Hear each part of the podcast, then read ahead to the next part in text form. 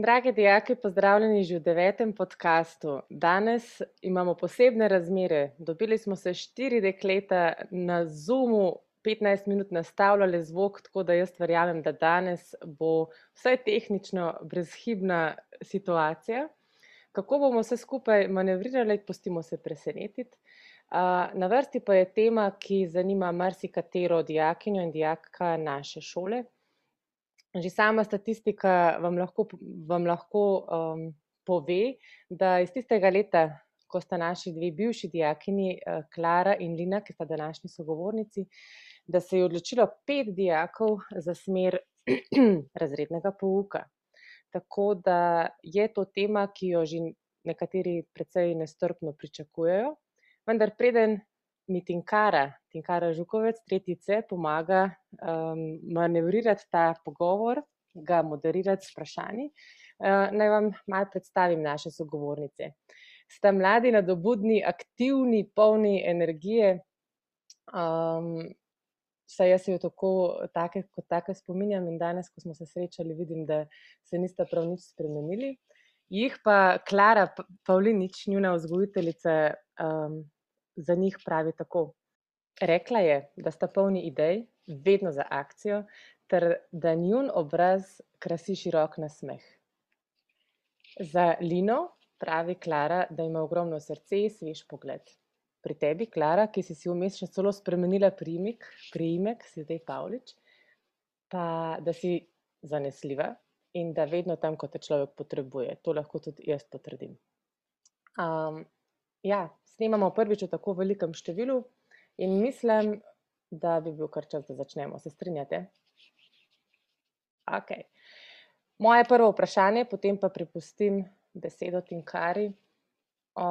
Če se spomnite, Lina in Klara, tistih trenutkov, preden ste se odločili dokončno za program, za študijski program razrednega pouka, uh, a ste se soočali s kakšnimi ovirami, katere so to bile in kako ste jih presegli. Katera bo prva odgovarjala? No, pa bom jaz prva. Um, en lep pozdrav, sem Lina, ne, ker to ne bo pisala, samo razslišati. Um, jaz v resnici nisem upisala, moja prva želja ni bila razredni pouk, ampak um, je bila delovna terapija, torej na zdravstveni fakulteti.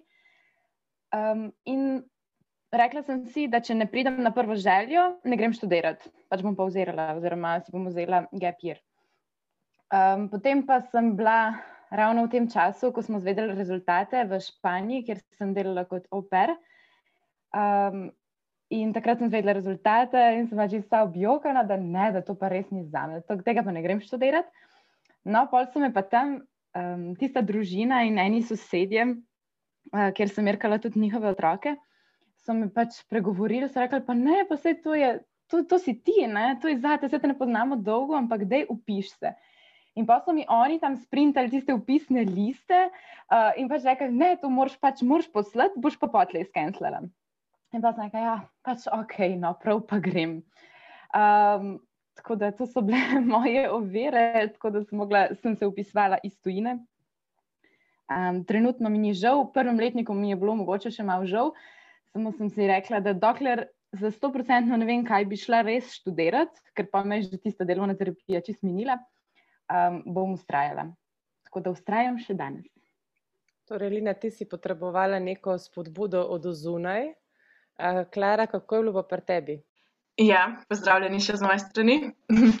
um, študij razrednega pouka pa je bil pri meni uh, prva izbira, sicer je bila izbira izredno težka, ker sem um, hčerka dveh učiteljev in sem nekako mislila, da, da to pa res ni tisto, kar, kar jaz moram nadaljevati, da jaz pa ne bom um, zgolj učiteljica in zakaj, da, da pač želim biti nekaj več.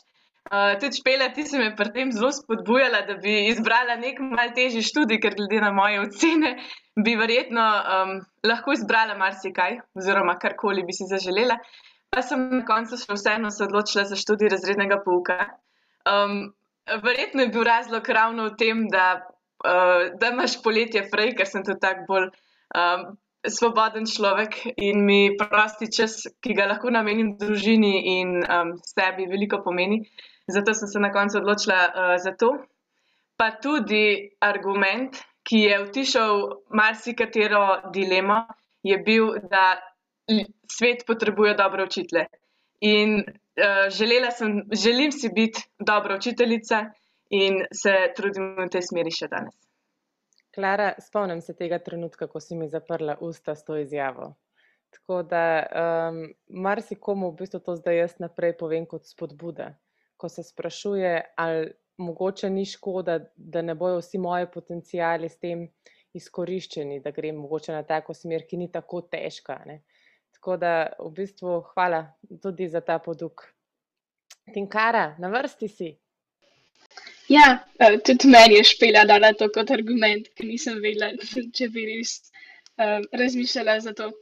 Um, Mene zanima, s kakšno podlago ste prišli na faks? Ali se vidijo razlike med študenti iz različnih uh, srednjih šol pa gimnazij? Ali morajo pa kakšni kaj več delati kot drugi? Um, kako naj bi odgovorila sploh na to vprašanje? Uh, ja, nekatere razlike so. Meni se zdi, da je bila naša podlaga zelo dobra. Pri nekaterih predmetih smo precej uh, enostavno prišli čez zaradi tega. Uh, sploh, ker so nekateri delali, uh, ne, pač torej ne gimnazijo, navadno srednjo šolo in so potem šli narediti še um, splošno maturo, pa so imeli potlej kakšne probleme pri teh, um, pri kemiji, biologiji, no, takih predmetih bolj splošnih. Sicer pa se kar hiter um, to vse tako pač da na isti nivo, no, kako naj rečem. Um, in da so predmeti tukaj različni od splošnih v višjih letnikih študija, um, da niti ni to tako pomembno. Se pa pozna, se mi zdi, da na predvsem drugih področjih, uh, torej neka um, odprtost, uh, širina, ki pa mislim, da smo jo kar dobro prenesli iz gimnazije želim. Jaz se strinjam z Lino in bi dodala tudi to, da so želimlje zelo dobro naučile, kako se učiti. Um, to je bilo zelo pomembno v prvem letniku, ko se iz Eh, sistem gimnazije prenašaš na študijsko vsebino in ni, um, je po svoje podobna, ampak hkrati različna in je lažje. Uh, meni je bilo z, uh, predvsej bolj enostavno zaštartati, kot kar kakšnemu študentu, uh, s katerim sem se pogovarjala, uh, ki prihajajo iz kakšne druge, mogoče ja res bolj strokovne srednje šole. Um, kako pa zgleda sam študij, um, kako se nisem porazdelil, ne vem, seminarske, pa kaj vse moraš delati doma sam, je, kakšne, kakšne so sploh možnosti, kaj je na faksu, imaš samo predavanja, so še kakšne druge skupne stvari, kako zgleda? Torej, vsak študij zgleda precej podobno in sicer so predavanja, so vaje, seminarji, no, nekako tako, um, klinične vaje, tako je sestavljene iz takih stvari. Zdaj, kaj to v praksi pomeni, je vsako leto malo drugače. Predavanja so vse na isti način, se pravi, predavalnica se posluša, potem so pa vaje pri vsakem predmetu precej različne. Se pravi, ko imamo šport, ne sedimo v neki učilnici, ampak smo v telovadnici, izvajamo razne stvari, gremo v bazen, um, so pač precej praktične, potem imamo tudi laboratorijske vaje. Um, pri nekaterih predmetih pa je bolj kot ne spet tako mini predavanje, ampak smo pa po manjših skupinah, se pravi, je tako kot en razred, bi rekla. To je bolj podobno um, srednješolskemu pouku. Tako da, kar pa imamo, ste vprašali za seminarske naloge, uh, nekaj jih je, um, ampak tudi niso tako bav-bav.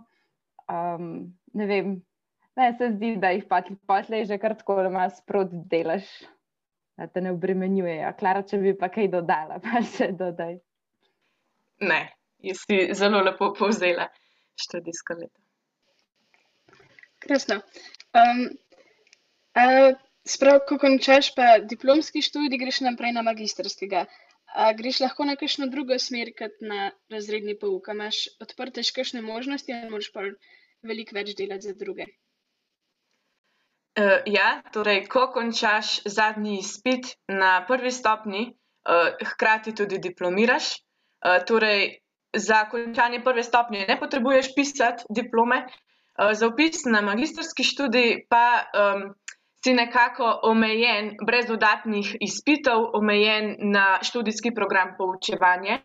Um, eksplicitno pa še na smer poučevanja na razredni stopni, oziroma če si v, na prvi stopni uh, dokončal tudi izpit iz uh, angleščine na stopni C1, um, imaš možnost, da izbereš smer poučevanja na razredni stopni za angleščino. Ker pa je sam študij na prvi stopni zelo široko zastavljen, um, imaš, imaš hkrati v resnici možnost se upisati tudi na kakršen koli drugi magistrski študij, um, ampak ne brez diferencialnih izpitev. Jaz pa zase mislim, da ne bi imela precejšnjih težav, uh, da bi jih upravljala, zato ker pač je študij res široko zastavljen in je verjetno veliko teže priti na, na razredni pouk iz kakšne bolj oske smeri. Um, ampak načeloma sta možnosti poučevanja na razredni stopni oziroma poučevanja na razredni stopni za angliščino. Mi lahko daš kakšen primer, kot če je kakšen tvoj sošolc šel na kakšen drug magistrski študij? Um, na magistrski študij ne, so, imam primere sošolk, ki so se naknadno odločile za um, študij uh, predšolske vzgoje um, in so na eno leto porabile za učenje tistih predmetov, ki jih, uh, ki jih na univerzi niso priznali in so jih mogli naknadno uh, narediti. Drugače pa imam, uh, so pa primeri, uh, ko so recimo iz predšolske vzgoje želeli priti na magistrski uh, študij razrednega pouka oziroma poučevanja na razredni stopni. Um, in so z dodatnim letom uh, izdelovanja teh izpitov potem čist brez problemov prišli na, um, na, ta, na to smer. Um, če se vrnemo nazaj, ki ste rekli, da um, ste imeli dobro podlago, sploh glede kemije, biologije, ki drugi niso imeli take. Um, ali se snov um, nadgrajuje na faksu ali ponavljaš tisto za nazaj? Kako je sploh novega? Zanimivo vprašanje. Um, snov je predvsem drugačna. V prvem letniku bi pa rekla, da se malo mal ponoviš, kot sem prej rekla, da prideš na en isti nivo. Um, nadgrajuje se pa v smislu, da gremo globje v te didaktične smisle, se pravi, kako poučevati naprej. Ne pa, da bomo mi zdaj ne vem, kakšne integrale od vode rešvali, tega ne. Um, je bolj kot ne gimnazijski nivo znanja za dost, recimo temu, uh, se pa potem učiš, kako učiti in s tem poglabljaš v bistvu znanje, ker ko poenostavljaš neko zapleteno snov, uh, vidiš, da jo moraš predvsej, predvsej dobro, dobro razumeti, da ne boš poenostavil napačno.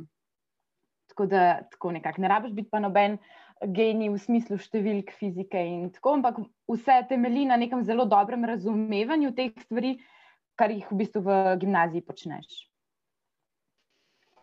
Um, Kako prakse imate v okviru študija? Uh, a moraš šolo izbrati sam ali ti pri um, izbiri šole pomaga faks? Mm, torej, v okviru študija je vsako leto namenjeno nekaj časa tudi za prakso.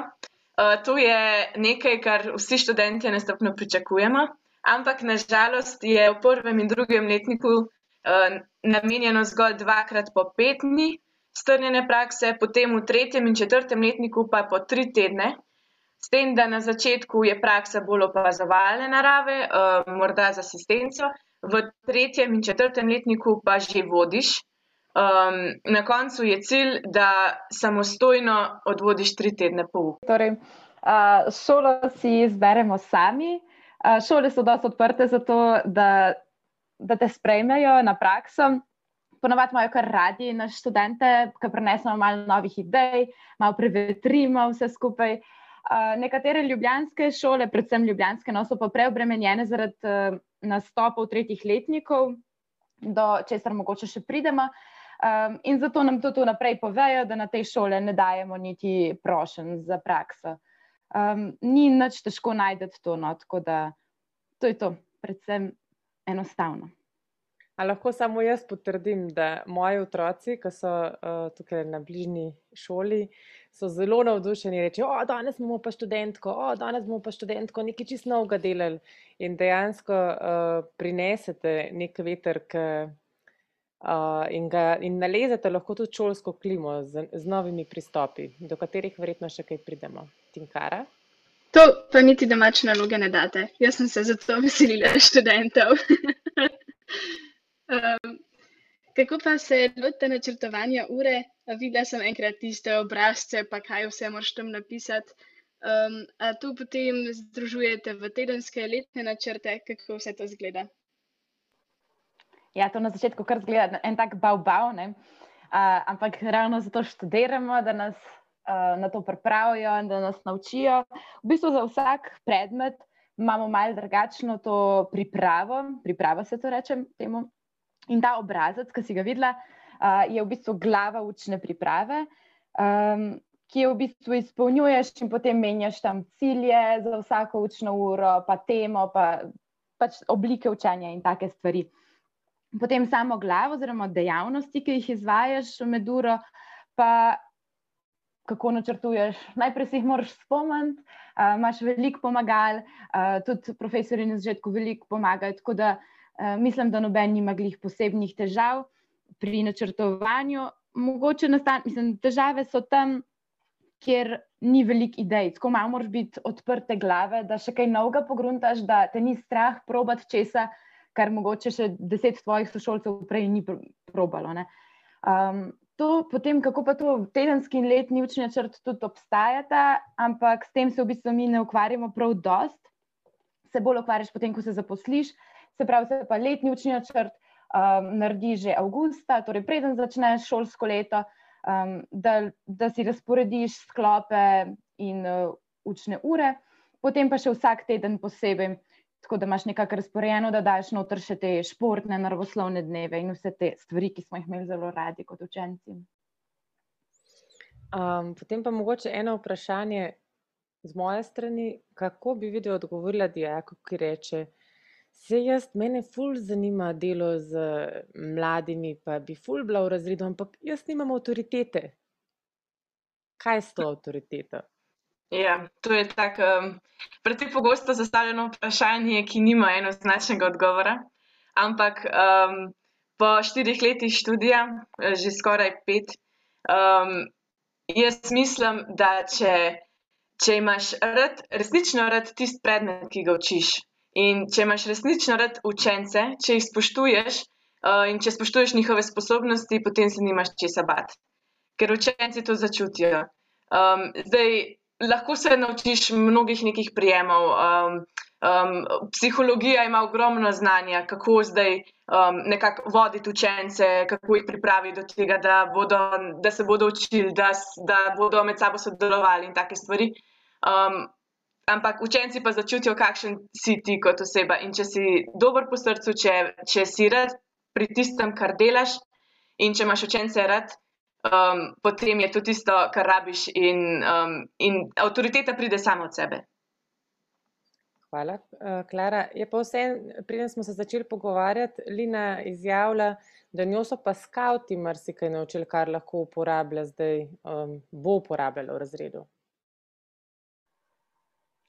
Ja, mm, seveda ta študij uh, nam omogoča, da poleg tega delamo še marsikaj drugega. Um, jaz sem pri skavtih voditeljca nekaj leže um, in se mi zdi, da imam res konkreten stik z otroki vsak teden.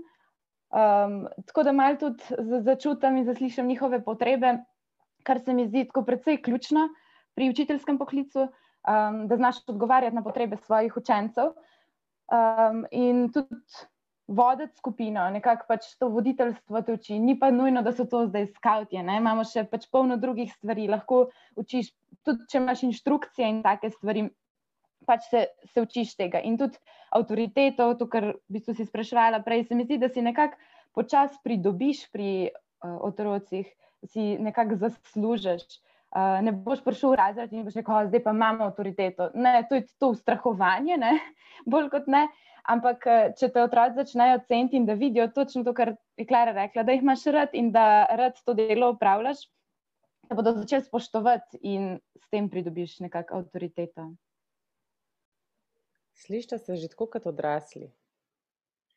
Uh, zdaj, poslušalci ne slišijo, ker so vse tri na mjutu, ampak vse so se zelo na glas začele smejati. Uh, prehajamo naprej, Tinkara, kar nekaj vprašanj je še na vrsti. Ja? Ja, a veste tisto, kako najbolj stereotipno prepoznaš dimnikarja, ne? kaj je čist črn. Meni se zdi tak, tak prvi znak, kako opaziš učiteljico, da ful lepo piše une velike tiskane črke in je vse lepo isto. A imate to poseben predmet za to? Ko smo pa to vprašanje videli, ne, smo se pa preširno nasmejali. Um, zakaj učiteljice lepo pišejo? Če jaz hočem, da ti lepo pišeš, moram tudi jaz lepo pisati, čist zaradi tega. Um, ampak dejansko, prav predmet ne obstaja. Uh, se pa učimo pravilne, uh, pravilne, ne vem kako se to reče, pač pravilne pisave, no, pisane, male pisane pisave. Um, in dejansko je to tudi na izpitu, da moraš en stavek napisati uh, lep, z lepopisom. Uh, lahko bi pa več uh, časa um, namenili temu. No? um, a se kaj v tej smeri študijski programi spremenjajo, da se razmišlja o opismenjevanju na tak način, da bi mulci na tipkovnice pisali, kot je mogoče ki v tujini? Ne, um, žal je uh, ta in, um, IKT, oziroma informacijsko-komunikacijska tehnologija, zelo slabo um, zastopana na tem študijskem programu. Um, tudi kasneje bomo verjetno se malce o tem pogovarjali, ampak um, kot uh, lahko slediva tem trendom, ne, načeloma ne. Se kar lepo držijo nalivnika in, um, in papirja. Morda pa se bodo o tem začeli pogovarjati zdaj, ko se je dejansko pokazala potreba po tem, da učenci to že usvojijo prej. Um, a je kakšna modernizacija na drugem nivoju, recimo računalniški programi za učitelje, se učite kaj takega? Um, v prvem letniku imamo predmet informacijsko-komunikacijske tehnologije v izobraževanju, kjer um, na kratko in zelo v osnovi spoznaš nekaj programov, s katerimi lahko delaš, um, ustvarjaš animacije, z, interaktivne zgodbe in take stvari, um, ampak se ne poglobimo v to. Potem v petem letniku, oziroma v prvem letniku magistrskega programa, pa uh, je eden izmed izbirnih predmetov tudi um, informacijsko-komunikacijske tehnologije v izobraževanju, uh, kjer pa ravno tako ne pridobivaš nekih grozno blaznih, dobrih uh, kompetenc na tem področju, ampak še vseeno imaš pa možnost tako, no, samostojnega raziskovanja. Um, večinoma uh, je predmet oblikovan tako, da uh, ustvarjaš projekt um, in sicer izdelovanje spletne strani, um, v katero vključuješ uh, gradivo, ki ga tudi pripravljaš sam. Uh, tako da večinoma je odvisno od tebe.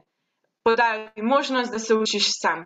Sem pa sama mnenja, da bi lahko temu namenili veliko, veliko več pozornosti. Um, obstaja kakšen predmet, ki se ga vsi bojite, ali pa da je večini težek? Ja, obstaja. In to je zelo glasna kemija. Uh, zdaj, le imaš dve sogovornici, ki niso imeli težav s tem, hvala Bogu in hvala gimnaziji želim le. Obe smo imeli kemijo na maturi, namreč, čeprav meni ni šlo tako dobro. Um, še vseeno smo, smo potem, predvsem precej z lahkoto no, naredile ta predmet. Naj pa rekla, da je res tako težek. Um, bolje je to, da vem, se pozabiš malo že učiti, zato ker je načeloma prvi semester precej lahek v prvem letniku. Um, tako, naj bi rekla, da so težki predmeti. Drugače je zasnovano vse skupaj, uh, sprotne naloge, ne vem, se morajo dodajati, pa kakšne take stvari, ki mogoče niso komu glih pisane na kožo. Uh, da bi bil pa nek predmet res tako težak, da če bi sedel in se učil en teden, da ga ne bi naredil, tega pa ni. No. Razen če obajate en letnik, Klara, Te, do tam še jaz nisem prelezla. Ne, moram reči, da imam precej časa za peko piškotov in potice v božiču. Da, um, ne, mislim, da je čisto vse v, na dosegu roke, res. In imaš ogromno dodatnega časa za uh, kakršno koli um, izven šolsko dejavnost, ki si jo zaželiš. Jaz mislim, da je to ena velika prednost tega študija um, in ena izmed katerih sem tudi izbrala uh, to smer, ker um, ni, ne bom rekla, da je zelo enostaven, je pa um, dovolj uh, lahek, da ti omogoča, da se nekako uresničuješ tudi na tistih področjih, za katerega se sam počutiš, da, uh, da to, pa, to pa bi rad počel. Recimo jaz hkrati uh, še učim kitaro. Um, Lina je pri skavtih, pa verjetno bi se zdaj lahko naštel še tisoč stvari, ki jih počneva zraven. Um, in sva hkrati tudi precej uspešni študentki. In če lahko jaz tukaj sam pokomentiram, ker imam malo izkušnje tudi z zaposlovanjem, da so verjetno to tiste stvari, ki dajo prednost potem ne, pri zaposlovanju, da imamo nekje profesorico, ki še zna igrati kitaro, ali imamo profesorico, ki ima še zalogo nekih skautskih iger, in da k temu tudi spodbujamo v bistvu dijake, da, da ni samo študij, študij, študij. Um, tako, ko pa mislim na razredni pouk in prvi do peti razred, se mi zdi, da tista učiteljica tam mora res veliko predmetov obvladati. Mislim, ni tako, da se boš pa odločil pri slovenščini, mi gre pa dobro, bom pa to učil, uh, mislim, za tako starost. Uh, a me lahko potem, če sem na enem področju slabša, to vira pri študiju in poučevanju. Recimo, jaz niti človeka ne znam narisati, ne? Um, a je to vira za me? ne, ne, zagotovo ne. Jaz kot glasbenica uh, sem velikrat bila deležna takih vprašanj, joj, kaj pa če ne znam pet. Dobro, prvo je, da vsi znamo pet, ampak ne, zagotovo ne. Je res, da moraš biti, mislim, da poučuješ uh, čisto vsa področja, um, pa da je pomembno, da imaš znanje, ampak um, na faksu te naučijo tisto, kar je res nujno potrebno. Um, in to, da učencem obstaja mnogo. Um, nekih metod uh, in didaktičnih pristopov, uh, ki omogočajo, da učence ravno tako naučiš tisto, kar je potrebno. Um, pa tudi eh, še vedno ni snov tako, tako zahtevna, da je ne bi uh, tudi grozno netalentiran likovni človek, uh, da je ne bi mogel podajati naprej. No. Kako je pa z izbirnimi predmeti, ali vplivajo na to, kaj, kaj boš potem delal, ko se zaposliš? Um, koliko jih lahko sploh izbereš, ali se kaj nadgrajujejo, tako da moram vzeti v prvem letniku enega, zato da ga lahko potem nadaljujem. Uh, pa kje dve ste, kje ste izbrali vidve? Uh, z izbernimi predmeti je tako, da se slišijo full dobro. Zdaj bom pa lahko karkoli, ne? ampak ni tako. Uh, se pravi, ti kar osko fakulteta ponud, katere predmete si lahko zbereš. Uh, en predmet je, ki smo ga že prej omenili, angliščina. In sicer, če si ti želiš, da bi poučeval tudi angliščino na razredni stopni, uh, jo moraš izbrati vsako leto. Torej, pač angliščino, kako koli. V prvem letniku imaš tako obvezno, ali zbereš angliščino ali nemščino, potem pa moraš nadaljevati uh, z angliščino naprej, če to želiš. Drugače pa imaš nekaj tudi um, strokovnih izbernih predmetov in splošnih izbernih predmetov, ampak glede na to, da si vprašala za službo, za poslitev, pač to nima veze to angliščina ima mogoče, ker um, predvsem zdaj iščejo in tudi razmišljajo o tem, da bi bilo to kar obvezno, da naj bi sploh bil več izberni predmet, ker je pač veliko več povpraševanja potem, da znaš še to učiti, ker dejansko v prvem razredu imajo že angliščino. Um, za ostale predmete pa mogoče zborovodstvo je še en tak predmet, ki ti lahko kaj plus točk prenese, um, za ostale pa res pač čist vseeno. Zdaj, če se nadgrajujejo, um, ne, torej ti v drugem letniku ne moreš vzeti istega izbirnega splošnega predmeta, kot v tretjem letniku. Se pravi, moraš to vse menjati, tako da nadgrajujejo se ne. Razen seveda angliščina, ki jo imaš vsako leto. Žal tukaj ne morem pohvaliti vaše spletne stranine, um, ampak um, zdaj me tukaj skrbi, kako pa ti veš vse to, pa te, mislim, kaj če se zafrknem, pa ne vem, da moramo vzeti angliščino vsak let. A ti to kdo pove? uh, ja, jaz se strinjam s tabo. Uh, še zdaj, le, nekaj trenutkov predtem, ko smo se dobili, sem um, diagnosticirala vse možne povezave, ki na koncu so le vodile v pravo, na pravi dokument, ampak ja, se strinjam. Um, predvsej težko je, mislim, tako strašljivo vse skupaj izgleda, ko se o takih stvarih um, zanimaš, ampak vse potrebne informacije zveš na faksu. No, um, in tudi glede angleščine in tega. Uh, ko se upisuješ, ti sam sistem ne poda drugih možnosti, kot to, da izbereš ali angliščino ali nemščino. Um, potem za naprej pa uh, imaš že toliko izkušenj, da veš, kaj boš izbiral in med čim boš izbiral. Um, načeloma pa uh, so dostopni dokumenti, kjer je seznam vseh teh predmetov, um, pa zelo lepo strukturiran. Tako da, uh, če bi želela nekako podrobno, um, podrobne opise, na podlagi katerih bi si izbrala te izbirne predmete, bi jih, nekak, bi jih lahko shekala dol iz neke spletne strani. Vem, da ste še študentki, ampak kaj veste, kako je zapustitvijo na, na splošno? A se kaj spreminjajo trendi? Ali pa, ne vem, tudi tako posredno, glede velikosti razreda, pa potem je večje število učiteljev, pa vse to? Ja, trenutno smo kar lahko srečni, da smo ta generacija. Um, ker se službe kar nekako ponujajo, no, um, skrb kličejo, če pridemo. Očitno je glih taka generacija, da se pač malo hodijo v penzijo ljudje. Um, tako da trenutno je zelo dober, no, pa tudi za vnaprej se mi zdi, da um, ne vem, ne poznam nobenega. Nobenega, ki bi študiral razredni pouk, pa da bi ful intenzivno iskal službo, pa je ne bi dubno. Ne vem, mogoče sam jaz se gibljem v takih krogih, kaj pa vem. Ampak eh, trenutno je eno zelo dobra možnost za zaposlitev. Um, glede razredov, pa se veča število učencev v razredu, in se ne sorazmerno povečuje število učiteljev. No. Se pravi, imaš lahko razred eh, prvičko, pa imaš 28 otrok notrne. Tako da zdaj je prav ful več kot 28, pa, pa tudi ne bo. No. Tako da to nekako.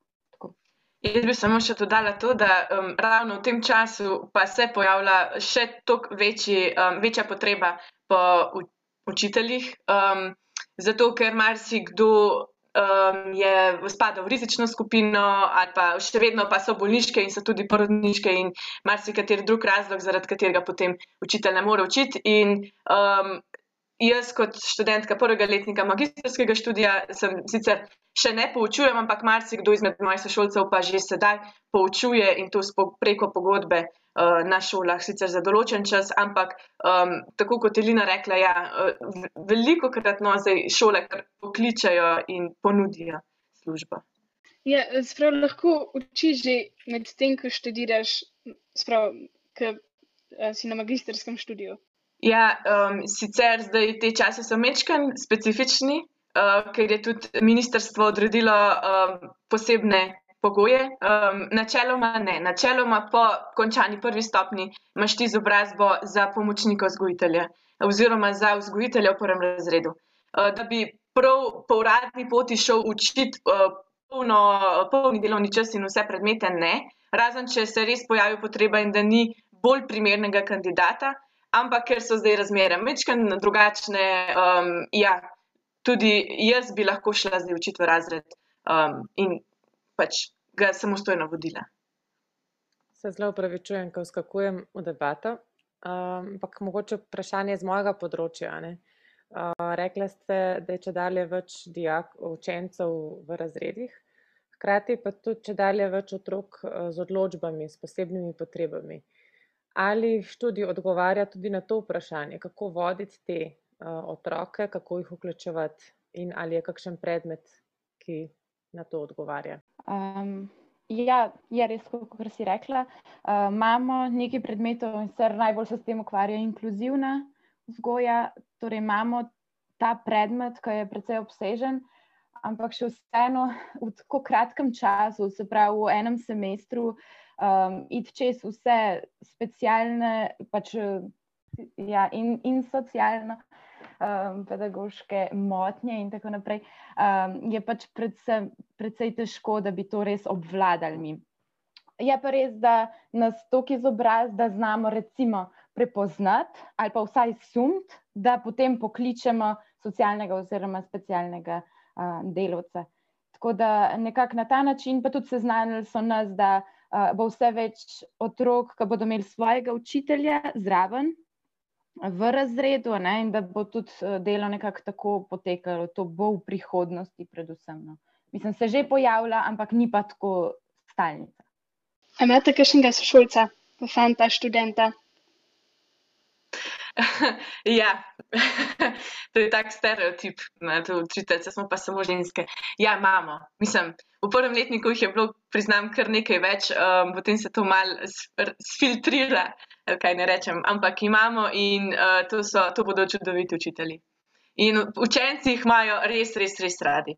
Tako. Zelo zanimivo je gledati recimo nastope uh, sošolcev, uh, ker je popolnoma drugačna dinamika kot pri vseh nastopih prej. Katoliško proti javnemu, ali lahko tukaj komentirate? Ali si želite delati um, tako izredno na katoliški osnovni šoli? Ja, to vprašanje je bilo pa precej težko, bi rekla. Če je predmet težek, se najprej vprašala, no, to vprašanje je težko. Zato, ker um, je tako, ne vem, jaz, jaz ne, znam, ne bi čist rekla ja in ne.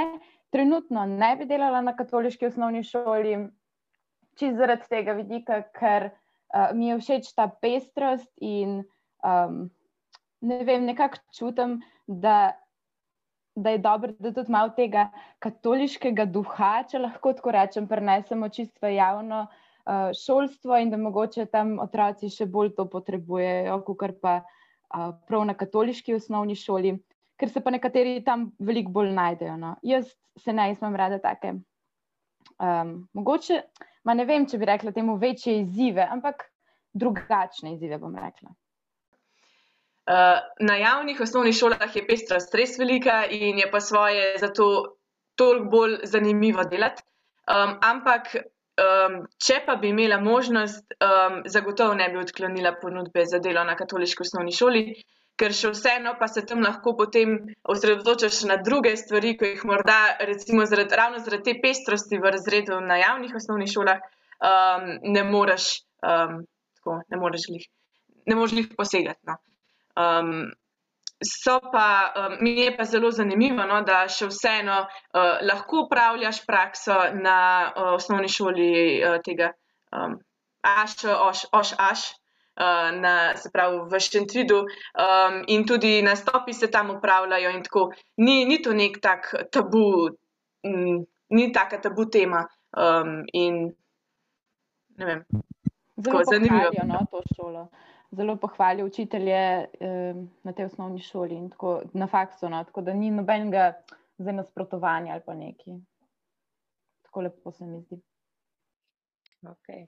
Uh, sta v bistvu že skoraj na mejniku, ne na prehodu, tako kot sta bile štiri leta nazaj na prehodu iz srednje šole na fakulteto, sta zdaj počasi na prehodu iz fakultete uh, v v bistvu to odraslo dobo, no, zaposlitveno. Uh, a so kakšne sporednice tukaj, če zdaj primerjate ti dva prehoda, kakšni strahovi, kak, kakšni so ti občutki, no, s katerimi se srečujete? No, bom najprej jaz odgovarjala na to vprašanje. Um, sem tudi mogoče za odtenek bližje, no, ali pa tudi nekaj, pa jaz vem, kot Lina, um, temu prehodu. Zdaj, Mislim, da se čist pri vsakem študentu, ne glede na smer, pojavljajo strahovi, kaj pa bo zdaj, potem, ko bom zaposlen, oziroma najprej, ali bom sploh dobila službo. Sicer na to vprašanje smo že odgovorili, nimam strahu pred tem. Uh, in največji, tako, um, to, kar me trenutno najbolj teži, je to, ali zagotovo res znam vse, kar bo potrebno. Um, Predvsem ta papirologija, se pravi, letni delovni načrti, potem eh, letni, samo učne priprave in take stvari, pa ker je res ogromno predmetov, pa še eh, kar naenkrat boš padel v kolektiv, pa boš mogel še tam sodelovati, pa še tisto gotovo. Skratka, ogromno enih stvari je, ampak um, se naučiš z letom v leto bo lažje in s tem se to lažem in um, vem, da. Uh, če sem zmogla maturo, če sem zmogla vse izpite, če sem zmogla poroko, če sem zmogla vse, kar sem imela zdaj na poti, bom, bom zmogla tudi to. Um, in verjamemo to. Sploh pa vidim um, svojo um, mami, uh, ki je zdaj že kar konkretna. No? Um, mislim, ima že kar veliko uh, dobo uh, učenja, uh, mislim, poučevanja in. Tok neizmerno uživa in s takim veseljem prihaja domov, da mi je tako, v veselje jo gledati, kako res uživa v svojem poklicu in si želim, da bi bila vsaj pol tako dobra, kot je ona, ali pa še boljša. Nujno mora mami prisluhniti uh, tvojim odgovorom. Da, Ja, jih bomo kar posredovali, Klara. Lina, mogoče še ti, vem, da je to osebno vprašanje, ampak tako, kaj, kaj je tisto, kar doživljate študenti v, to, v tem obdobju? Ja, meni se zdi vseeno malo lažji prehod, kot prej, zato ker vseeno približno vem, kaj hočem početi v svojem življenju, uh, kje hočem biti. Zdaj sem se nekako odločila, uh, tudi z izbiro prakse v zadnjem letniku, se malo usmeriš, kje bi rad bil, ne? ker tam te bodo pa pohapsali hiter. Uh, tako da sem zbrala osnovno šolo v novem mestu, iz kjer prihajam, tako da sem se nekako odločila, da bom tukaj ostala, da ne bom v Ljubljani. Um, sicer pa jaz sem absolventka, no, kot govorim, nisem zaostala. Um, samo vzela sem si absolventa, ker sem naprej na izmenjavi. Um, tako da nekaj časa še imam, ker ne morem vzeti še enega absolventa, ker je to full fine. Um, Ampak tako, no, strah me je predvsem drugačnega življenja. Um, Nekako, ko nisi več študent, ne, kot študent lahko malo haraš okrog, pa vah, nisi za nič odgovoren, glihkaj preveč, ne razen zase.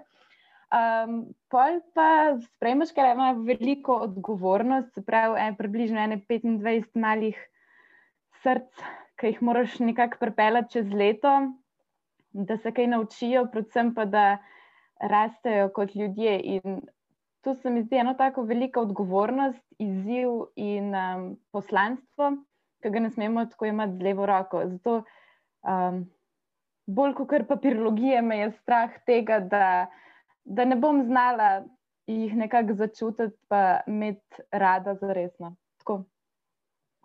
Ker smo ljudje, ne? ene imaš malo bolj, ene pa imaš malo težje bolj. Hmm. Ja, hvala za ta odgovor, za, za oba odgovora. To, to, to je pa ta realnost življenja, ki jo nam prinese. Um, naši strahovi uvire, ampak eh, mi je všeč, ko gledate tako nekako res zelo pogumljeno in samozavestno naprej. Lina, um, omenila si ta absolventi stalež. Zdaj mi je skoraj malo škoda iti nazaj ne, na, na, na študijski program, ker sta že tako lepo um, zaključila vse skupaj, ampak vseeno tukaj vonjam, da je bilo kar nekaj tujine tudi um, ti dane. Um, mogoče lahko tudi kaj o tem še, no? kaj, kaj ti pa daje tujina in to absolventsko leto? Kaj to sploh je absolvent? Zdaj, moje absolventsko leto, to je, ko recimo zaključiš eno stopno in si potem vzameš še dodatno leto naprej, torej si brez nekih izpitev, če ti seveda ne ostanejo od prejšnjih let. Um, in lahko, mislim, imaš status študenta, vse je normalno, torej kot dodatno leto se to imenuje. Um, tujina, bila sem na izmenjavi, malo imam nesrečo, no, ne vem, kako naj bi rekla, zaradi te korone, ker sem bila na moji uh, polletni izmenjavi samo dva meseca. Um, Ampak že v teh dveh mesecih sem, se mi zdi, da kar veliko prejela. Tam si na fakulteti z drugimi ljudmi, z drugimi razmovci in se pogovarjaš o študiju, kakšen način imajo tam in tam, pač po celi Evropi v resnici. In potem neka izmenjava dobrih praks. Imeli smo ful predmetov, takih likovnih, um, ker pač mi je to ful všeč in sem se na take stvari predvsem uh, pač upisala. Um, tako čist drugačni pogledi na vse skupaj. Meni se zdi, da, ter, da ti res tako odpre um, glavo, da lahko razmišljaš malo drugačno. Uh, da ni vse tako, kot pa tukaj pri nas piše, tako je prav in tako je najbolj prav in tako mora biti. Ne? Tako da znaš malo tudi kaj ven zaviti. Um, zdaj v absolventu sem pa imela sicer plan tudi kaj več potovati, tako, um, ampak mogoče bo še čas za to. Eh, ni mi pa spet tako hudo biti doma. Nisi povedala, kje si bila, Lina? A ja, v Lizboni sem bila. Zdaj sem bila v Lizboni. Sicer pa ful predlagam, tudi če um, se ne odločite za smer, te, smer tega študija ali pa kjerkoli poučevanja, če imate priložnost iti v tujino, uh, pač pejte.